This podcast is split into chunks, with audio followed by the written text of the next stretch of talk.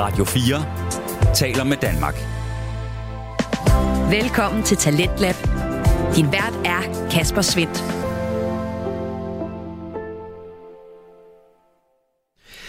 Aftenens udsendelse, det er sådan en, som vi måske egentlig skulle have lavet øh, den 1. januar, fordi en tur ind i biografen, nok særligt med popcorn, det lyder for mig i hvert fald som den øh, perfekte tørmændskur, hvis man nu skulle have det den øh, 1. januar. I aften, der skal vi nemlig have fat i podcasten Filmklubben, og de snakker altså om den aktuelle biograffilm Avatar 2, The Way of Water. Og øh, du skal både høre nogle spredte meninger, et par nørdede detaljer, og så et øh, par spændende teorier som den her. Og jeg tænker, hun har da ikke en far. Altså, hun er da, hun er da øh, undfanget af, af, af den der natur. Øh, Jomfrufødsel. Ja, ja, nemlig. Ja, det, det er sådan lidt, jeg tror, der er sådan lidt Jesus-agtigt over ja. det. Øh, og, og det er forsvarsmekanismen, det er det, den sætter i gang. Ikke? Du lytter til Radio 4.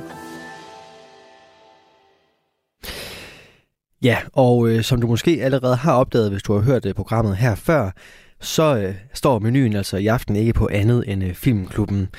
Og det gør den, fordi at øh, vi her har med at gøre øh, tre kæmpe store nørder, som altså får lov at øh, køre løs inden for deres passionsprojekt, der hedder Filmklubben. Og øh, det er en podcast, som øh, selvfølgelig sætter fuld fokus på filmens verden. Filmklubben består af Jeppe Rode Fransson, Alexander Bjørn Jensen, Ida Mosgaard og øh, Tine Eve Jensen, som øh, dog ikke er med i aftenens episode. De er alle fire nogle meningsfyldte værter, som øh, hverken er bange for at sige deres meninger, men samtidig også husker den der hygge, som øh, skaber en øh, venskabelig stemning, der er fantastisk rar at komme ind til som lytter gang på gang. I aften der skal trioen Jeppe, Alexander Bjørn og Ida altså snakke om en øh, film, der både er ikonisk og aktuel, nemlig når de tager fat i Avatar 2. Og måske så er du helt med på, hvorfor den er så ikonisk med den øh, revolutionerende filmteknik og et øh, filmprojekt, som øh, jeg har svært ved at sammenligne med andet, vi nogensinde har hørt om.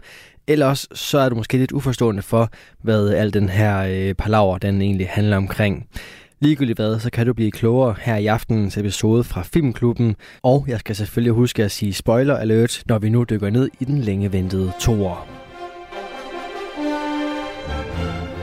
Velkommen til Filmklubben, som er en podcast om, ja du har gættet det, film. I dag er vi på Pandora. Vi sidder i en lille æske i børsen. Pandoras æske. Velkommen til Filmklubben. I dag skal vi snakke om, uh, om Avatar 2. Smølferne. Eller som den uh, ret vildt hedder, Avatar The Way of Water. Med mig i dag har jeg uh, dig, Alexander. Ja. Du kan som sædvanligt ikke holde din kæft, når vi indleder. Nej. Eller generelt. Og det er jo ikke, fordi du selv er meget bedre, jo. Jo, jo, det, er jo, jo. det er jo bare hævn, jo. Jeg er altid voldsomt disciplineret, når det er, vi har de her podcasts. Ja, og med mig er også dig, Ida. Velkommen til. Mange tak. Vi mangler Tine. Hun er hjemme og øh, åbenbart kaster op. og det er hun sikkert meget glad for, at du øh, fortæller... Ja, hele Danmarks befolkning. Og det er, jo, det, er jo, det er jo udmærket. Så sådan er det. Hej det godt. Har du det godt, Alexander? Er du ved at være sådan klar til noget juleferie og sådan? Ja, det er øh, også, øh, men altså, jeg har fulgt, øh, vi snakker om ved sidste episode om Love Actually, at, at vi ligesom kunne mærke, at nu var der gang i Oscar øh, valgkampen. Og det synes jeg, det er, nu Saturday Night Live er jo altid fedt at se, hvem de hiver med øh, som værter. Når det er politisk valgkamp, så er det altid en eller anden stor toppolitiker, de har med. Nu er det skuespiller Austin Butler var, øh, var med her sidst, og jeg tænker, det er fordi, han går benhårdt efter en Oscar-nominering. For Elvis. For Elvis, ja. ja. Hvordan har du jeg det fra. Jeg ved faktisk ikke, om han har lavet noget andet. Jamen, øh, jeg har det godt. Jeg er i julestemning og har fået masser af æbleskiver og været ude og plukke juletræer. Og det har været... Øh, I flertal, simpelthen. Jamen, jeg har Du har plukket juletræ. Nej, fæld, fældet. Hvordan, hvordan pluk, Jeg plukker dem. Pluk, pluk. Det var faktisk, skud, du har det var faktisk nogle meget små juletræer. Nej, jeg har været ude og fælde juletræer her i, øh, i weekenden med venner og familie, og det var rigtig hyggeligt. I flertal, Ja, altså, der var flere juletræer, der blev fældet. men til dig selv. Nej, nej, ikke nogen træer til mig. Ingen overhovedet? Nej. Nå, Så det gik fra at være meget meningsløst til at blive endnu mere meningsløst. Nej, men det er jo fordi, så gør man det sammen. Så går man ud og fælder Men juletræer altså, sammen. har, har du bare sluttet dig til sådan en eller anden random flok, eller har det været med familie? Altså, hvad? Jeg siger med venner og familie. Det var Nå. jo en... Øh, det, det er nogen, jeg kender, der har plantet nogle juletræer. Så- Forhåbentlig var der så nogen, der skulle bruge dit juletræ, så. Ja, ja, ja. ja, ja godt nok, godt nok, godt nok. Så det var, det Så det er jo sådan et event, og så er der æbleskiver og gløk, og så fælder man juletræer og hygger. Så jeg er rigtig i julehumør. dejligt. Ser julekalender? Nej, Jo, jeg ser jul på Vesterbro, som Ja. altid. Den er fandme god. Ja, det er den. ser du julekalender? Nej, jeg har, fået mig ikke om det. Men du Nå. har lige set Alene Hjemme 2, har jeg set. Ja, og et. Okay, og, og det er første gang, du ser dem? Ja. Okay. ja, så er jeg lidt bagud. Ja, Så Altså, nu, har, har du aldrig set dem? Jo, jo, jo, jo, jo, altså, det var hans yndlings. altså, vi snakker om, nogle gange, så ser jeg dem jo sådan fem gange i løbet af en december eller sådan Nej, noget. det er selvfølgelig rigtigt. Ja, men, øh, men, men ja, jeg mangler øh, Miraklet på Manhattan og Polar Expressen, så har jeg, øh, så har jeg bingo på øh, de julefilm, jeg plejer at se. Så det er rigtig godt. Og så vil jeg sige, der er jo øh, både, øh, der er en, en film på Netflix, der hedder Klaus. Jeg ved ikke, om jeg har set det. Nej, Det, det, det skal jeg virkelig undre jer selv at gøre. Det er en fuldstændig fantastisk det er julefilm. den der anim- animationsfilm, blev lavet i sidste år, eller for Ja, år for nogle år siden, den var nomineret til en Oscar. Ja, men jeg kan godt huske det. Jeg kan godt huske, du snakker om det. Ja, ja den, den, er, den, er, den er overraskende god. Jeg, jeg er bare ikke så meget til julefilm. Det må jeg bare sige. Ja, det er jo, det er jo, det er jo fair. Ja. Således opmuntret. Hvad med Die Hard? Die Hard er den bedste julefilm, fordi Ja. den er, der er så lidt jul i den. Men jo, det er, det er faktisk Ved du hvad, min det, det er glad for, at du siger det der, fordi jeg, jeg bliver altid så sur over folk, der mener, at Die Hard er en julefilm. Men det er det også. Det er det en julefilm. Altså, Så i er min optik er en det... julefilm. Nej, den Der er jo foregår ikke, i julen. Der er jo ikke jul. Jo, jo, okay, men altså, hvis det er... Du ved da ikke, hvornår Avatar foregår. Det kan da godt Jo. være i julen. Den foregår på Pandora, der har de jo ikke december. Vel, Bjørn. Hvad? Nå, Jo, Vi, vi, øh, det er diskussion, altså. øh, vi har jo også øh, det sædvanlige øh, lille blok med sladder i podcasten, og som altid så er jeg fuldstændig uopdateret på, hvad der foregår. Det, altså, jeg har det sådan lidt med, med den her øh, del af Det er vores fed, podcast. det er fed blok, blok der er med. Ja, altså øh, det, altså det er fuldstændig ligesom dengang man gik på gymnasiet eller sådan noget. Altså det ryger du over mit hoved, hvem der lige kysser med hvem og sådan noget. Jeg, jeg, jeg, det interesserer mig simpelthen ikke. Eller også så skal man have en eller anden form for sådan noget, lige fat, hvad der foregår rundt omkring en. Bjørn, det plejer at være dig, der kommer med noget. Det plejer jo faktisk at være Ida. Ja, Nå, jamen jeg har... og det skal øh, være Hollywood-relateret. Altså, jeg har noget med James Cameron.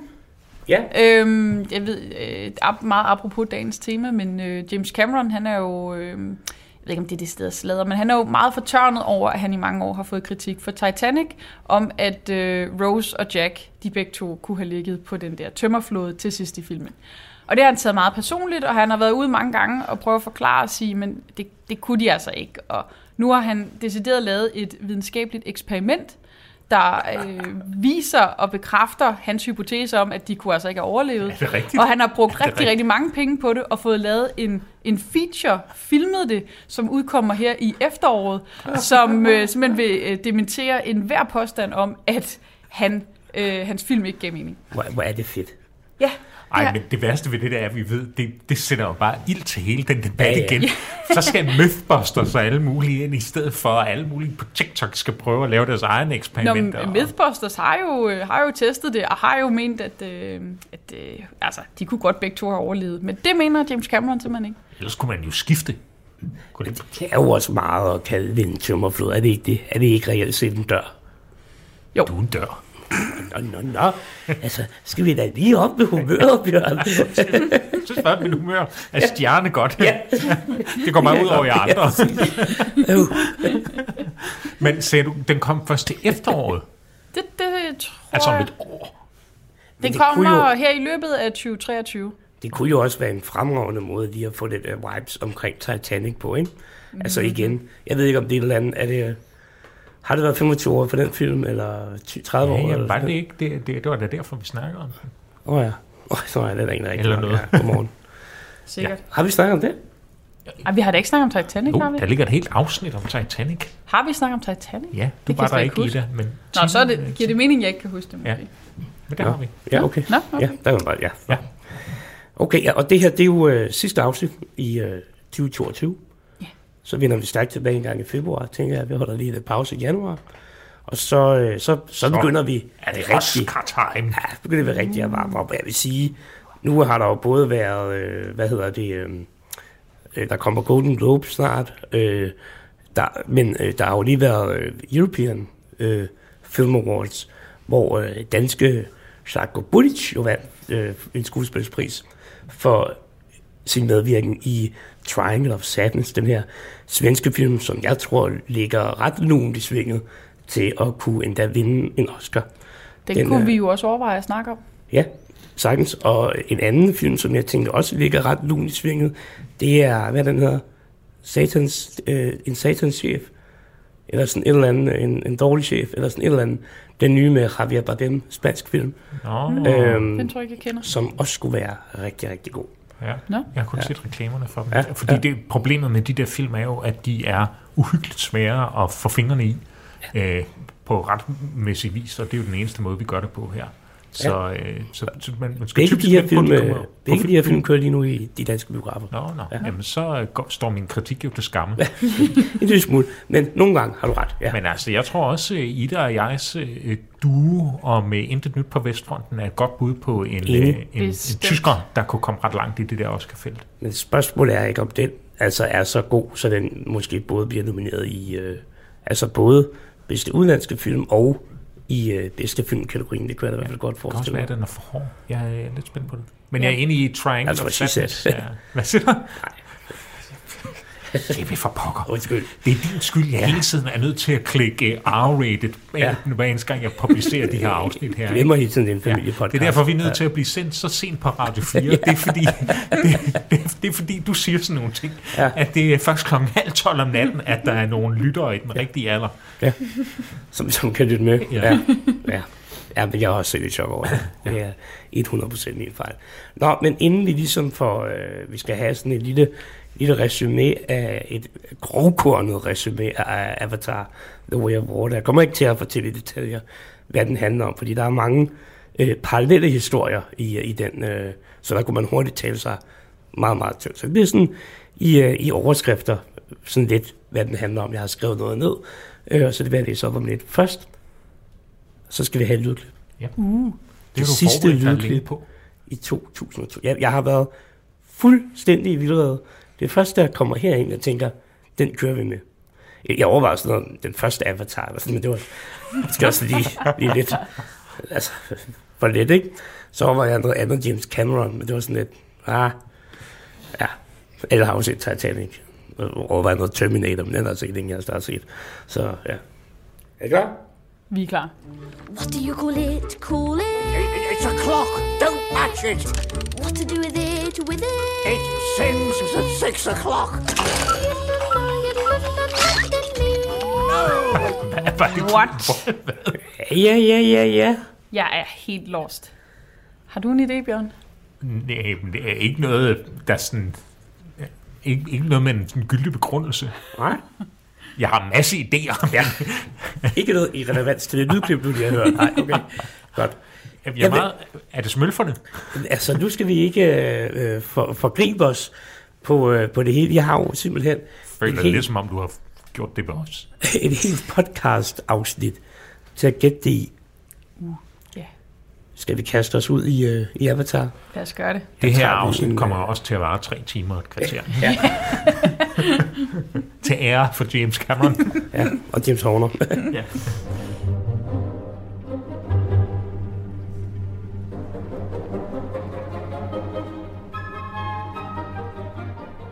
Hvad Jeppe, det øh, plot summary, du kommer med, er det med spoilers eller uden spoilers? Det er nok uden, Uh, tror jeg. godt Tag jagt, lytter. Her kommer det. 13 år efter den første Avatar-film kommer nu James Camerons meget ventede toer. Vi er fortsat på månen Pandora, en exoplanet langt fra vores egen galakse. Alt emmer af fred og idyll. Himmelfolkene, menneskene, er blevet jagtet væk, og Jake Sully har stiftet fa- familie med Neytiri. De har fået tre børn, sønnerne Natayam og Lorak, samt datteren Tuk. Derudover finder vi hurtigt ud af, at Grace, chefforskeren fra den første Avatar-film, var gravid, da hun døde. Hun fødte Kiri, der er adopteret ind i den lille Solly-familie. Vi møder også Spider, eller Miles Socorro, som hans borgerlige navn er, der er søn af den onde Quaritch. Hurtigt bliver idyllen brudt, da en sending af himmelfolk ankommer til Pandora. Menneskeheden, er fuldst, menneskeheden har fuldstændig smadret jorden til beboelse, og derefter leder de efter en ny planet, som menneskeheden kan bebo. Her er Pandora selvfølgelig oplagt. Desværre står navierne, den oprindelige befolkning på Pandora, i vejen. Første skridt for at få navierne ud er at tage Jack Sully ud. Quaritch vender retur som en avatar, men en klon, for den rigtige Quaritch er død. Han er dog opsat på at få hævn sammen med en gruppe af hans tidligere topsoldater, der også har fået deres egen avatar-klon. Og der går han på jagt efter Jack Sully. Jake er nødt til at tage konsekvensen af det og flygter derfor langt væk øh, fra sin klan og øh, sammen med sin familie. Han søger asyl hos havfolkene og får allernådigst lov til at blive af Kate Winslet i øvrigt. Her lærer han og familien om havfolkets levevis. De lærer at færdes i vandet og lærer om havfolkenes dybe bånd til den blåvandslignende skabning, den såkaldte tulkun. Tulkun er et væsen langt mere intelligent end mennesket. Den rummer i hjernen en substans, som magtfuld, at det kan skabe evigt liv hos mennesker. Derfor er tulkuner et oplagt jagtmål for krybskytter. Kravitz finder hurtigt ud af, at Jake og familien er hos havfolket. Han er allieret som en krybskytte, krybskytte, som jagter havfolkets tulkuner for at sælge den førnævnte meget værdifulde væske. Da Kravitz og krybskytterne lokaliserer Jake og familien, går en jagt i gang. Både på familien, men også tulkunerne som lokkemad. Det lykkes, og er derfor det lykkes, og der er en stor, flot har jeg skrevet, det er den, slutscene med en direkte konfrontation mellem Jake og Quaritch.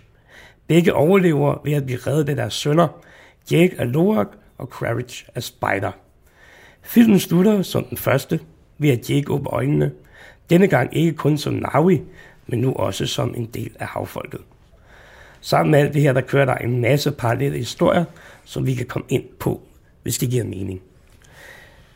Det var sådan øh, meget, øh, sagde jeg, rovkornet handling i filmen. Jeg tror nu godt, man kunne gøre det endnu mere øh, kort, og, øh, og, øh, og som vi har snakket lidt om før, vi, inden vi begyndte at optage, altså grundlæggende er det jo lidt samme plot som i sidste film, bare udover at øh, Jake Sully, hovedkarakteren, han skal lige gå fra at være menneske til Navi, så er det lidt det ja. samme.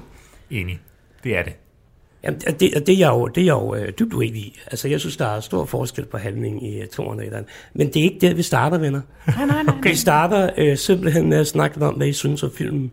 Hvad var jeres, sådan, jeres umiddelbare indtryk, da I, øh, da I forlod biografsæderne og trådte ud i, i dagens lyse decemberdag? Altså, jeg kunne godt lide filmen. Jeg synes, det er en... Øh det er en rigtig god blockbuster, det er rigtig god underholdning. Den er utrolig flot lavet. Øhm, jeg øh, blev også meget berørt af filmen. Jeg synes, den spiller på de rigtige sådan, følelsesmæssige strenge. Øhm, men det, som nok rørte mig mest, og som jeg synes fungerer allerbedst i den her film, det er jo kærligheden til øh, naturen og biodiversiteten under havet. Og, øh, og det har James Cameron jo formået at vise på en helt fantastisk måde, hvor man virkelig bliver reddet med. Og det er jo grundlæggende hovedpersonen i den her film. Fordi det er jo det, er jo det, det hele handler om. Og øh, man kan godt mærke, at James Cameron er en fyr, som går utrolig meget op i livet under havet, og, øh, og det brænder virkelig igennem. Øhm, så jeg synes jo, det her, det er, det er en det er en god film, det er rigtig god underholdning, og jeg synes også, den er rigtig meget på hjerte, fordi den fortæller rigtig meget om, øhm, om hvor fantastisk, Sorry. hvor fantastisk den natur, vi har, er, og, øh, og hvorfor vi skal gøre noget for at beskytte den. Øhm, og det synes jeg er jo et fantastisk budskab nu, hvor vi også optager her samme dag, som der er lavet en Paris-aftale for biodiversiteten øh, øh, i Montreal. Så jeg synes jo, det, det er et smukt budskab, og det rørte mig rigtig meget, og jeg synes også, det er et rigtig vigtigt budskab. Så det, øh, på den måde synes jeg, filmen var rigtig velfungerende. Det er ikke en perfekt film. Jeg har mange ting, jeg vil kunne kritisere den for, som jeg også kunne kritisere den gamle Avatar-film for, men jeg synes, det er en bedre film end den første Avatar-film. Radio 4 taler med Danmark. Du er skruet ind på programmet Talents Lab, hvor jeg, Kasper Svindt, i aften kan præsentere dig for et øh, enkelt afsnit fra en dansk fritidspodcast. Den hedder Filmklubben og øh, består i aften af Jeppe Rode Fransson, Alexander Bjørn Jensen og Ida Mosgaard. De er godt i gang med at snakke omkring filmen Avatar 2, som altså lige nu er aktuel i biografen, og øh, vi vender her tilbage til deres afsnit, hvor der nu kommer lidt andre vinkler i spil, når Alexander Bjørn han fortæller omkring hans umiddelbare opfattelse af filmen. Øh, jeg tror for mig, så, så skal filmen i virkeligheden deles op i to, fordi fra starten og egentlig godt ind til midten af filmen, var jeg ret sådan fortryllet af den. Altså, den er jo enormt flot. Den er også enormt... Altså, James Cameron er jo en fantastisk historiefortæller i virkeligheden, og, og der var decideret scener, hvor jeg tog mig selv i at holde vejret sammen med de der karakterer, når de skulle dykke. Altså, så flot var den, at man øh, blev totalt grebet og suget ind i det der univers, og det... Øh, det, det øh, altså, det var, det var helt eminent genialt, øh, mesterligt øh, lavet. Den bliver ødelagt for mig i slutningen, hvor det bliver for meget sådan en, en actionfilm, der holder sig til de der klassiske amerikanske blockbuster berettermodeller, ikke? hvor når okay, nu skal familien tages til fange øh, for tredje gang, og skurken, vi ved godt, skurken ikke slår dem ihjel. Vi ved godt, der ikke er nogen fare for noget som helst. Vi ved godt, hvem det er, der vinder.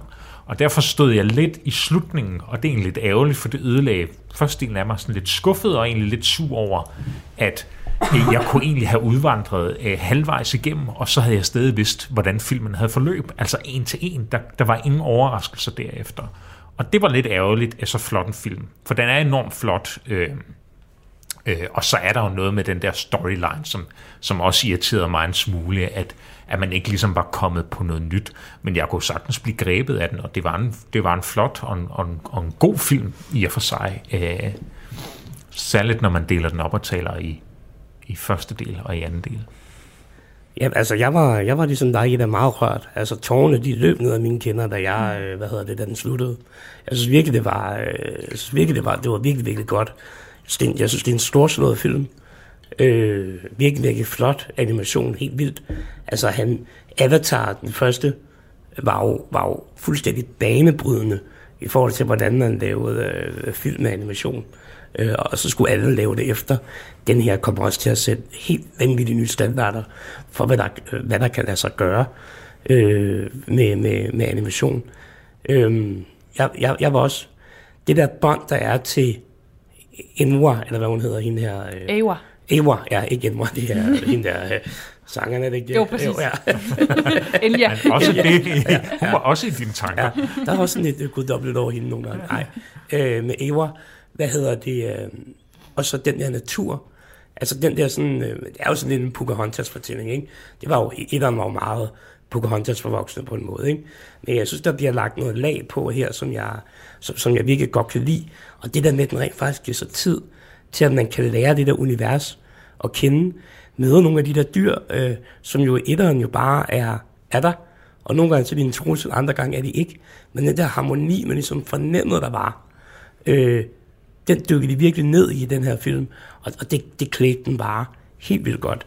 At man fik sådan følelsen af at være på Pandora, og altså, der er jo sådan lidt, øh, at det er jo lidt som være på jorden, men alligevel ikke, fordi det er, som om det hele sådan er radioaktivt på den gode måde, ikke? Øh, ja, så jeg, altså jeg var også, øh, jeg var decideret blown away, da jeg gik ud af biografen. Jeg, altså det var lige før, at jeg, jeg var oppe på, at det var noget af det bedste, jeg nogensinde har set. Så jeg kørte lidt ned siden, øh, vil jeg gerne indrømme. Men jeg, jeg synes virkelig, virkelig, det var godt. Men det er jo også fordi, det er jo, øh, det er jo det, James Cameron også kan. Han kan lave meget stor filmkunst, hvor han virkelig får brugt filmmediet rigtig, rigtig godt. Altså han kan jo virkelig lave noget, der er virkelig rørende, nogle fortællinger, der, der grundlæggende sidder lige i skabet, og han kan virkelig formidle nogle følelser rigtig, rigtig godt.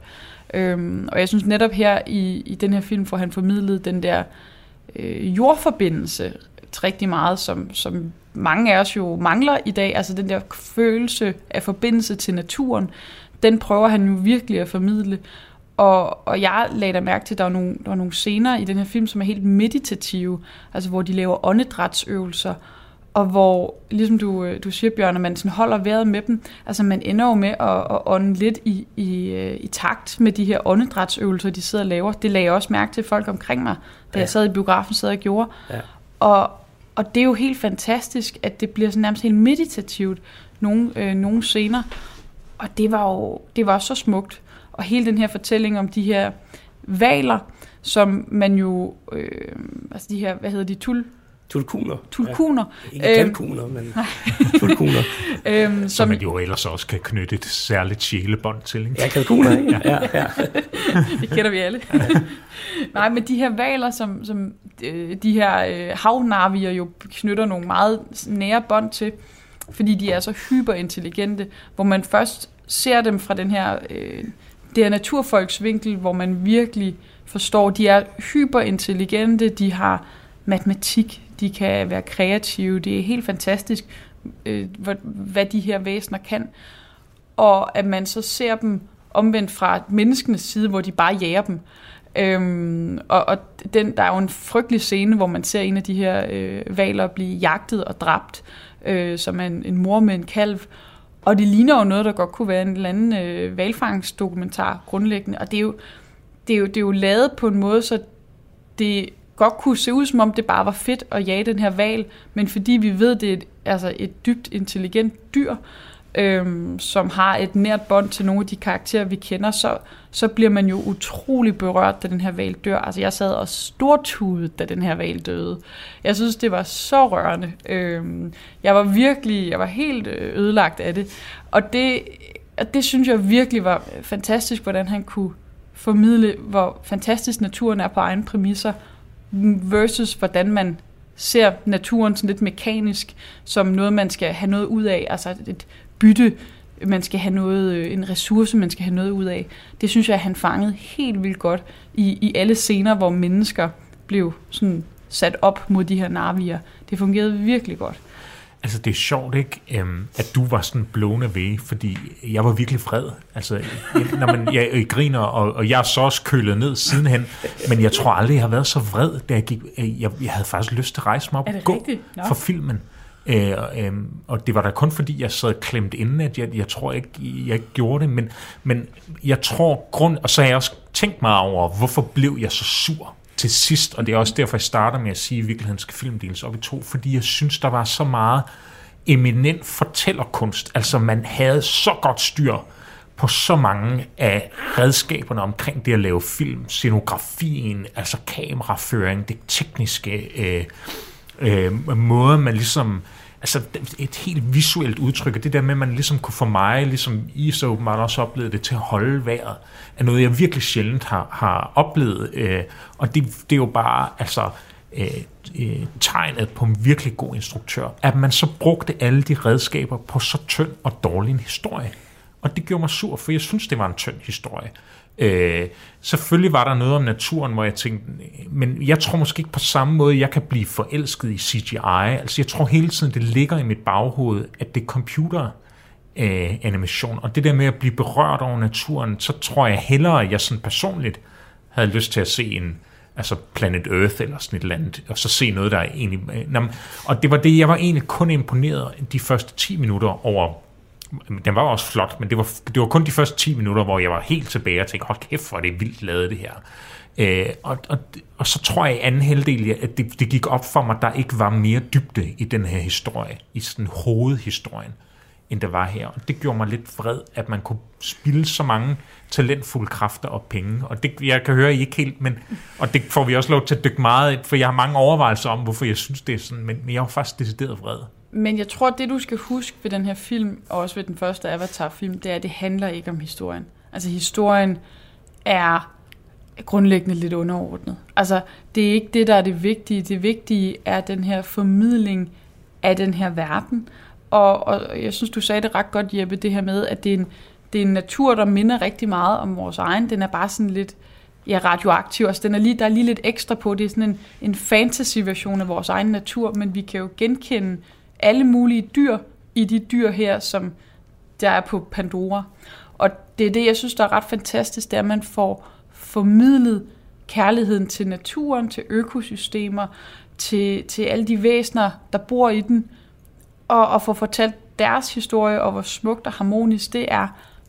Og, og så, ja, så er der en historie, men den er for mig at se ret ligegyldig. Altså, karaktererne fylder jo ikke særlig meget grundlæggende. Ja, der er nogle små karakterdramaer, fordi det skal der være, men, men jeg kan ikke rigtig komme... Altså, jeg kan ikke fortælle jer, hvad særlig mange karaktererne hedder, efter at have set den her film. Og jeg har endda også lige set den, den gamle Avatar-film for at varme op. Altså, jeg, jeg kan fortælle jer, at han hedder Jack Sully, hovedkarakteren, og så var der den der dreng, der hed Spider, men så kan jeg ikke, altså, jeg kan ikke navne på flere karakterer. Og det tror jeg også, fordi karaktererne er ikke... Nå ja, der er tuk. men karaktererne er jo ikke vigtige. Altså, det er vigtigt, at den her er, er øh, James Camerons budskab om vigtigheden af naturen, og, og, og så skulle han lave en film for ligesom at pakke det ind og, og trække folk ind og se det. Og det tror jeg er, øh, ja, det, det tror jeg bare kan have en utrolig stor øh, virkning. Altså hvis der folk kan se den her film og blive inspireret til at kigge på, hvad der er af, af havnatur rundt omkring dem selv, og, og kigge ned under vandet og blive inspireret. Det, det er det, jeg tror, den her film kan. Øhm, fordi hvis jeg tager de briller på, hvor jeg kigger på karakterer og plot og sådan noget, så kan jeg også finde rigtig mange huller, og det kan vi jo også det kan, vil jeg gerne dykke mere ned i, men, men øh, lige nu vil jeg godt bare lige have ja-hatten på at sige det. Jeg synes, det er en ret smuk film. Nå, men jeg har også meget lyst til at have ja-hatten på. Jeg tror bare, et, et, og det er måske der, hvor den så falder af for mig, for jeg kan ikke forelske mig i, i den animerede verden. Altså, så skulle han have, hvis det var den fortælling, så skulle han for mig have lavet den om Mors verden, altså en verden, der reelt var øh, og så lave Pocahontas-historien. Altså, så lave den, hvis det var den historie. Men, men det, der også, jeg synes, der er vigtigt i historiefortællingen, er, at han så ligesom får synliggjort og fortalt, hvorfor det der bånd er vigtigt, og hvorfor det er værd at kæmpe for, og hvad det er, der er på spil. Og det gør han ikke for mig det er der, hvor jeg synes, filmen falder frem. Altså, det er en, nu det lyder det også, for jeg starter med at sige, at det var jo en, en god film, og jeg blev jo siddende, øh, og jeg var da også rørt over øh, øh, valmoren, der døde, og den lille kalv, som, ja, hvad døde den også af sorg, eller hvad sker. Altså, det, det var da rørende, og der var også godt skuespil med i på nogle af de der karakterer, men jeg synes sådan alt i alt, når man samler det der, så er der bare, så, så er filmen ret tynd. Øh, selv med det der budskab i, i mente, som jeg er jo enig i er vigtigt og øh, relevant, men som jeg kunne bare have set mange bedre måder at have gjort det på, også for James Cameron. Altså, jeg, jeg tror, at... Øh, altså, jeg, jeg synes jo ikke, at historien er tynd. Jeg synes faktisk, den er ret solid. Og jeg synes, handlingen holder 100%. Og jeg synes, der er stor forskel på etteren, øh, som jeg synes var tynd, og så den her. Altså, der er ligesom lagt et følelsesmæssigt lag oven på den her, og vi får lov til at møde de der karakterer meget mere, end hvad vi gjorde i den første film. Vi begynder sådan lidt at lære, hvad det er for en personlighed, Jack Sully har. Øh, vi begynder at lære øh, konen lidt mere, øh, deres indbyrdes familiebånd. Det, det klæder filmen utroligt godt. Vi, vi møder de der børn, de fylder sindssygt meget i den her film, øh, og deres sådan, rivaliseringer med de andre børn, der er hos de her havfolk. Altså, jeg, jeg synes virkelig, det er godt, og jeg synes, det holder hele vejen igennem, så ja, så øh, bruger James Cameron jo rigtig mange Hollywood-ting i det. Altså, der er rigtig mange catchphrases og øh, sådan lidt småsjove bemærkninger osv., men, men det har han jo gjort i alle sine film. Øh, og bruger også, er, jo heller ikke, er jo heller ikke bleg for at bruge billige tricks. Altså, James Cameron er jo nærmest Hollywood, altså når, når det handler om omkring de der ting. Så det er jo også, hvad man, hvad man kunne forvente. Øh, ja, så, så, så jeg synes altså, den, øh, jeg, jeg synes, den holder øh, 100% øh, handling og karakteren og, og det hele. Jeg har ikke rigtig særlig meget sæt, øh, sæt på det.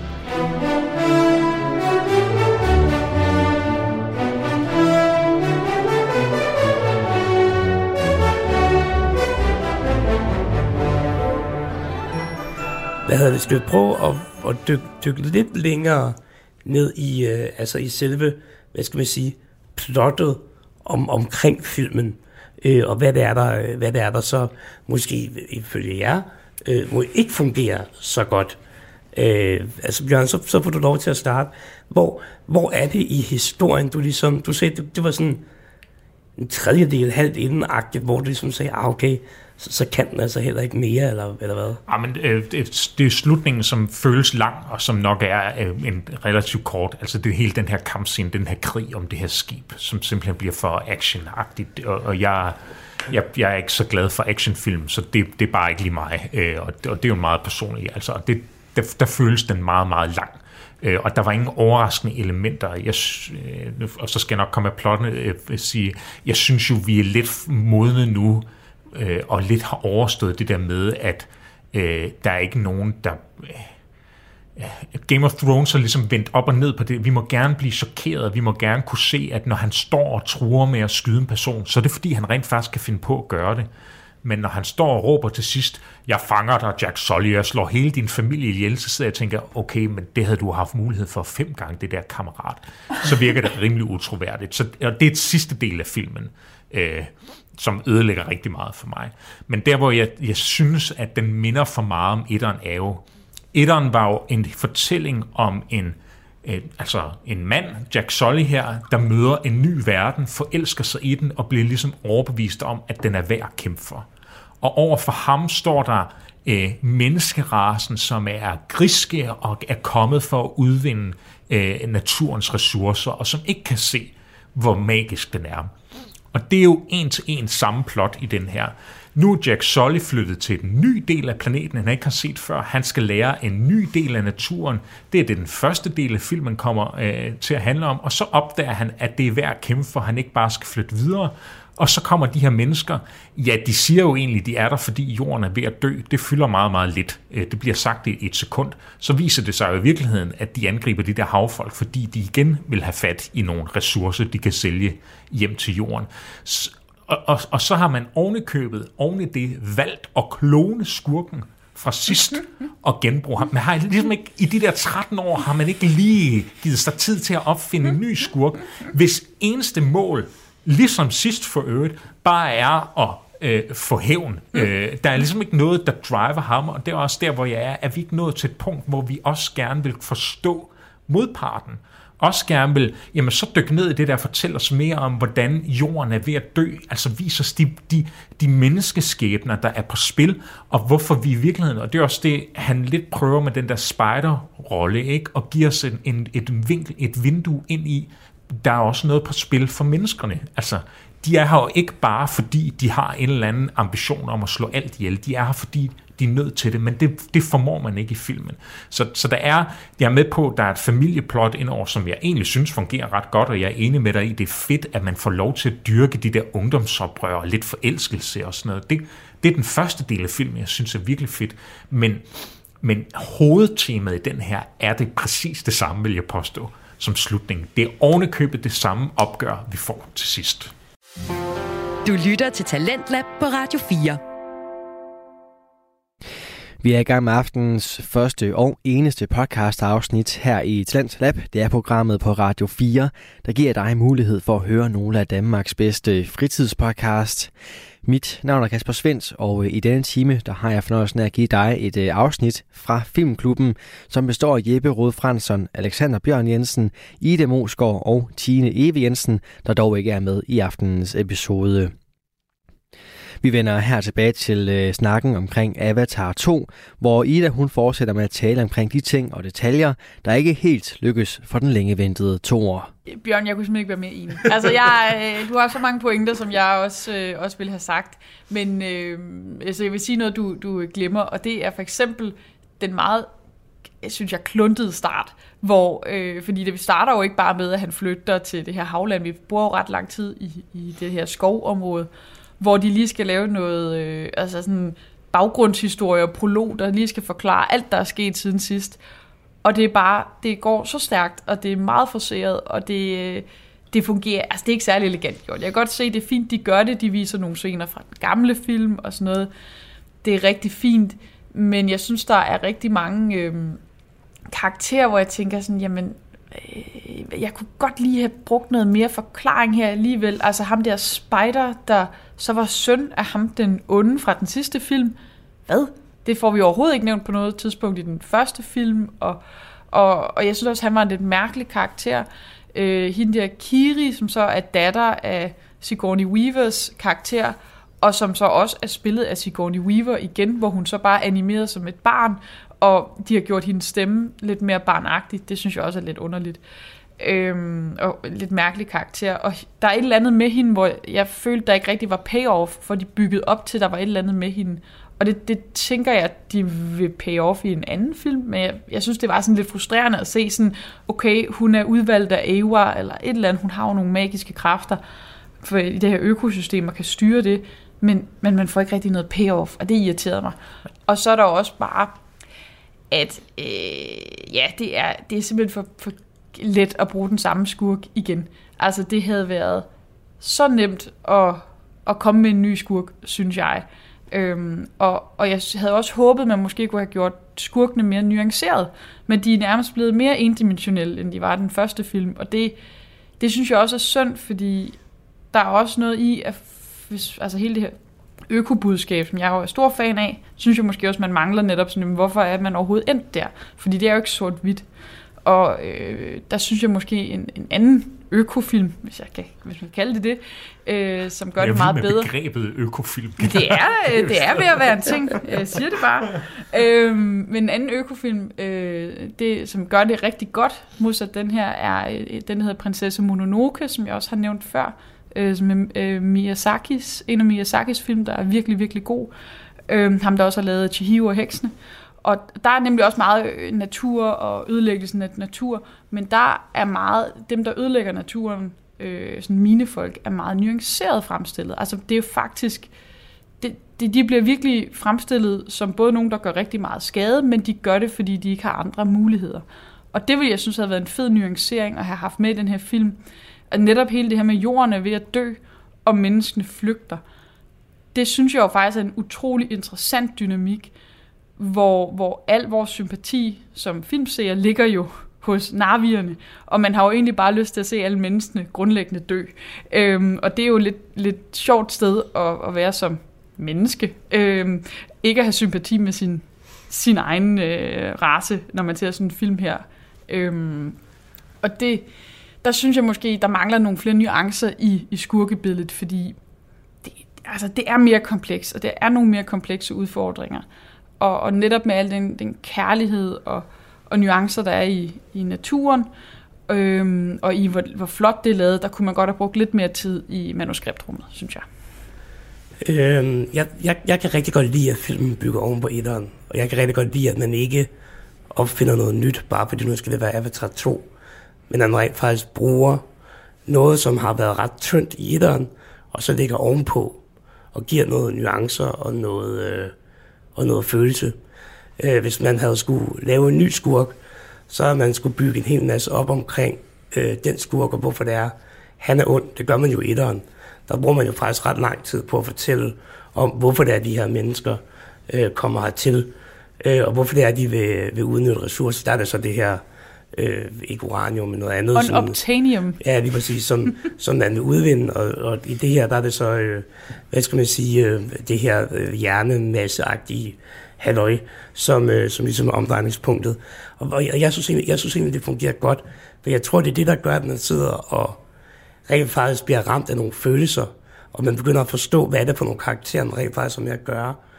Øh, det gør også, at man kan lave en eller anden form for pangdang mellem Jake Sully og, og, og, og hvad skal man sige, øh, altså skurken igen. Altså, fordi hvis det havde været en ny skurk, hvis det havde, havde været noget nyt ondt, så havde du ikke kunne lave den fortælling, du laver der. Og det var godt klar over, det, det var det, I basically gerne ville, ville have haft. Det ville gerne have haft en anden handling, eller et andet plot. Men du ville jo ikke kunne lave den der hævngærighed, eller hævntørst, hvis det var, det ikke var øh, øh, Quaritch, der ligesom havde været, havde været omdrejningspunktet. Øh, og ja, jo, det er, sku, det er billigt, det er det, det er jeg fuldstændig med på, at det er den samme skurk, og jeg kan også godt se, at der er meget af det, der er den samme, at, at der sådan har det samme omdrejningspunkt. Men, men jeg synes sgu stadig, det holder, det er det, der gør, at jeg holder fast i filmen, fordi jeg læste på nettet omkring øh, Der er jo selvfølgelig sådan en wiki, man kan gå ind på sådan en avatar-wiki og læse omkring alle de her universer og væsener osv., og det er enormt kompliceret. Så hvis det er, at man ikke skal gøre det for kompliceret, så er man bare nødt til at have nogle, nogle helt faste holdepunkter. Og der, der synes jeg sgu, det, øh, jeg synes sgu, det fungerer meget godt. Altså, men det er jo, Men der er jo for det er jo en eksempel, smagssag. der er for eksempel noget plottet, som jeg ikke helt synes gav mening. Øhm, og det er jo, at de går efter Jake Sully eksplicit. Øh, fordi øh, den nye, hende her, den nye onde boss, øh, som er general eller whatever, hun siger jo, øh, forklarer, forklarer jo grund til, at de kommer til jorden, er fordi jorden er ved at dø, og det, derfor vil de kolonisere Pandora, øh, og det gør, det vil sige, at de, øh, øh, ja, navierne skal øh, pacificeres, og for at gøre det, skal de så gå gennem Jack Sully, hvor jeg tænker, at jamen, de her navier bliver jo ikke bare venligt stemt over for menneskene, bare fordi Jake Sully er væk, eller hvis de slår ham ihjel. Men det tror jeg så, det er der, hvor, altså, øh, for jeg har et andet, hvor jeg ikke synes, plottet fungerer, men op til det er jeg nemlig med, fordi han er jo oprørslederen, ikke? Det er ham, der leder alt, det er ham, der øh, koordinerer dem. Han er jo. Ja, det er rigtigt. han er jo, han er jo han er tidligere marinesoldat, ikke? han kender måden, menneskene kæmper på, og derfor er det ham, der sørger for, at de er så velkoordineret i deres angreb. Så langt det er med. Øh, jeg må sige, først og fremmest til skurken, så synes jeg nemlig, at det er meget etdimensionelt. Jeg er meget enig med dig. Det der, det er bare hævn. Okay, jeg kan simpelthen ikke bruge tre timer på at se på en, der bare vil have hævn. Jo, men det Altså, kunne man godt, hvis det var en nuanceret hævn. Ja, men, det, men- han er jo ikke engang, det er jo en klon. Hvis der var mere... Jamen, det er nemlig der, hvor den hopper af for mig, fordi han siger selv, han ved ikke noget om sit øh, gamle jegs død. Han ved ikke noget om hele det der opgør med Jake Sully. Han har ingen, der er intet rationale for, at han skulle føle hævn. Præcis. Jeg kan forstå, hvis han har sådan noget, han har jo det der soldat i sig, hvis han føler, at han, nu siger generalen, han skal gøre det, så gør han det fandme. Men hævn, den er meget, meget tynd, når du selv starter filmen med at sige, at du kan ikke huske herop til. Altså, du kan ikke huske handlingsforløbet i Avatar 1, for der er din klonkopi ikke taget fra. Han ved ikke, at det er Jake Sully. Øh, så ser han det på en film, men det er jo ikke inkorporeret i ham. Så jeg køber ikke den der vilde hævn. Øh, jeg synes, det er fedt det der med, der er en kærlighed for en søn, der... Altså, det synes jeg var... Det skulle man have dykket meget mere. Det var som om, det var først til sidst, man ligesom begyndte at tage det op rigtigt, ikke? selvom der faktisk var et ret handlings, langt handlingsforløb mellem de to. Men der, hvor den virkelig falder af, og hvor jeg synes, det største plothul er, at jeg forstår ikke driveren for, at Jack Sully skal flygte. Fordi jeg er med på, at han er oprørslederen. Det har han jo været et år. Altså, han har jo hele tiden været målet for deres angreb. Øh, han har hele tiden været, det siger generalen også, de har forsøgt at få fat på ham, de angrebet deres hovedbase, prøvet at finde den. Hvorfor det, at der nu kommer fem nye soldater, der så er navier, hvorfor skal det tvinge dig ud? Altså, Men du har det- i det kan jeg godt forklare. brugt det sidste år på at forsvare ja, din base. Hvorfor er det de fem ekstra mænd, som gør, at du forskellen, flygter? forskellen er, at øh, det her økosystem ligesom laver en, en safety omkring øh, navierne, øh, som gør, at mennesker ikke bare kan komme ind og angribe dem. Altså, vi ser også, at de her Ja, ja. Altså, fugle eller de angriber alle de der helikopter med det samme. Og så det nye er jo, at der kommer de her øh, øh, Navi, øh, kloner, eller, hvad søren de er, Avatars. Ja, præcis. Ja, ja Avatar, ja, godmorgen. Som, som jo netop ikke laver de her trigger warnings, og som gør, at øh, familien bliver utrolig sårbar, og gør, at han er nødt til at flygte. Altså det, det synes jeg egentlig giver god mening, og det gør han jo for at beskytte, hvad skal man sige, øh, stammen, fordi han ved, at de kommer til at jagte ham, før de kommer til at jagte den. Jeg må Så også det sige, den, helt, den helt store forskel er jo faktisk også, at øh, ham der, den onde, øh, de onde soldater, der, de tager jo ham der spider til fange, som ved, hvor at Jake Sully befinder sig. Og hvor at de jo så, øh, menneskene jo burde kunne få den der viden ud af ham. Det gør de så ikke rigtigt. Og sådan. Generelt, jeg synes, ham der spider overhovedet ikke fungerer. han ved jo ikke, hvor de er. Spider ved jo ikke, at de er hos havfolkene. Nej, men øh, hvis de ikke var flygtet, så ville han jo vide præcis, hvor de var. Altså, hvor de havde deres hjem, og øh, deres base, og deres rutiner, og alle de der ting, fordi han er opvokset hos dem. Øh, og må jeg lige ønske en ting? Jeg synes, det var vildt underligt, at han hele tiden gik rundt i det der lindeklæde og havde dreadlocks. Altså, jeg synes simpelthen, det blev alt for meget Mowgli for mig. Jeg blev simpelthen så træt af det. Og jeg synes, jeg, jeg, jeg synes det var sygt underligt, at han gik rundt med alle de der mennesker, øh, efter han var blevet taget til fange, og stadigvæk gik rundt i det lindeklæde. Det var så underligt. Men, men så okay, så, så det kan godt være, at jeg køber den, hvorfor han flygter. Så irriterer det mig bare stadigvæk, at det er så langt inde i filmen, at øh, han opdager, hov, jeg har jo bragt far med. Altså sådan, okay, hvad fanden havde du regnet med, ja. øh, kammerat?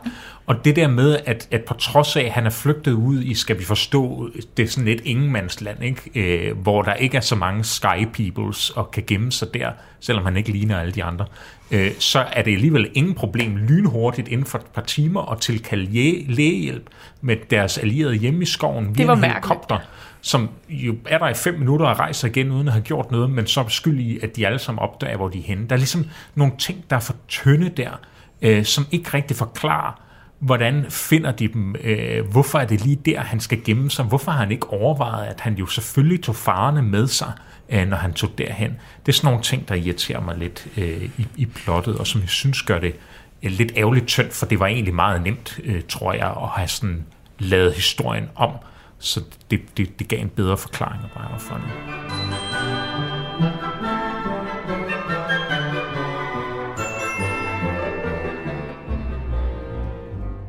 Jeg kunne godt tænke mig, at vi snakkede lidt omkring det her univers. Altså øh. Pandora, exoplaneten, månen Pandora, og hvad det er. For nu har vi været lidt inde på sådan økosystemer og så videre, men udover det, sådan, det visuelle, det skal vi også nok komme ind på, og sådan det tekniske omkring filmen, altså, der tænker jeg jo, at en høj grad af Avatar, The Way of Water, omdrejningspunktet jo også er øh, verden omkring. Altså, der bruger han ligesom, hvad skal man sige, han hiver lidt ind fra, øh, altså noget Star Wars, altså de ting, der fungerer Star Wars, Ringenes Herre, altså nogle af de der ting, hvor det jo ikke kun er handlingen og karaktererne, man bliver betaget af, øh, men i høj grad også den verden, man er en del af. Fordi den, man bliver simpelthen nysgerrig på, hvordan søren er det, det fungerer. Øh, jeg bliver ekstremt nysgerrig på, øh, hvad er der andre klaner, og er Naruierne det, det eneste sådan, øh, menneskeagtige øh, øh, størrelse på den her måne, og altså, jeg, jeg bliver virkelig u- øh, nysgerrig på det univers, ligesom jeg bliver, når jeg ser øh, Star Wars, og når jeg ser Ringenes Herre, og sådan noget, jeg bliver, jeg bliver mega nysgerrig, og får lyst til sådan at researche og dykke ned i det, og så videre. Øh, der er der måske lidt mere ballast og baggrundsmateriale i Star Wars og Ringenes Herre, fordi det var bygget på, en, på noget, der er skrevet, hvor det her jo er, er lavet til lejligheden, ikke? Men, men deler I den samme sådan øh, nysgerrighed, og måske også en lille kærlighed til, det der, øh, til den der øh, Pandora-planet? Altså, jeg synes, det er jo, det er jo utrolig flot lavet, øh, øh, hvordan man har fået Pandora op på skærmen, og det, det føles meget levende. Øh, jeg tror, min kærlighed til, til det univers, det kommer af, at det er så tæt en øh, allegori på vores egen verden og vores egen natur. Altså, at man netop, alle dyr, du ser, kan du se en, en, en, en pendant på, i vores verden til. Altså alle dyr, øh, de der tulkunder er jo valer, øhm, de rider på nogle sværfisk, I guess, nogle krigssværfisk. Øhm, okay, altså det er ikke en en-til-en algori, vel, men, men der er mange, der er mange øh, dyr og koncepter, hvor, hvor de på en eller anden måde bliver sådan øh, magiske her i Pandora, og det synes jeg er, er ret fantastisk, fordi jeg, jeg, jeg, jeg har altid elsket, for eksempel, jeg har faktisk altid elsket at snorkle, så jeg kan, på en eller anden måde, så fik jeg virkelig lyst til at gøre det, at se den her film, fordi man, man ser så meget under vandet, og man, det føles meget virkeligt, øh, fordi det er så flot på skærmen. Øh, jeg kan også huske, da den første Avatar-film øh, kom, var der jo folk, der blev nærmest decideret deprimeret over, at Pandora ikke fandtes, fordi det var så flot. Og, øh, og det er jo rigtigt, at det, det er jo så smukt, men øh, jeg ser det som sådan en Pandora som en indgang til at se, hvor, hvor smuk og fantastisk vores egen verden er. Øhm, så det er ikke fordi, det er det univers, jeg sådan dykker særligt ned i. Jeg ser det mere som sådan en indgang til at se, at verden er flot. Hvad, hvad, hvad tænker du om hele øh, universet, Bjørn? Jamen det er, er, er noget af det, jeg elsker allermest ved science fiction film. Altså, det er det der med, at, at der er så mange spørgsmål. Altså man, man, I virkeligheden kan man få, øh, få lov til at fylde selv ind, eller sidde og filosofere over, om, hvordan er det sket der, og sådan, nu er jeg jo politisk lør- nørd, ligesom mange af jer andre. Det er noget det, jeg elsker ved science fiction. Nå, hvordan fungerer systemet? Og, Ja, ja. Altså, øh, de overhovedet, ja, og sådan noget. Jeg synes, Hvad er deres skattepolitik? Det, det, irriterer mig, jamen, det irriterer mig faktisk, at de ikke dykker mere ned i sådan noget her i Star Wars, for eksempel. Altså, det elsker jeg. Det, er- det er Og Ringnes Herre. Ja, men- og som man siger, Ringnes her er faktisk ikke fanget af den samme, fordi der er det som om, der ved man det hele. Altså, det ligger bare tilgængeligt. Men jeg kan godt lide det der med, at, at man behøver sgu ikke forklare det hele, og det gør James Cameron jo virkelig heller ikke overhovedet. Øh, Og det synes jeg er fedt. Du lytter til Radio 4. Og vi fortsætter den her detaljerede og hyggelige gennemgang af filmen Avatar 2, som du får i podcasten Filmklubben med Jeppe Rød Fransson, Alexander Bjørn Jensen og Ida Mosgaard.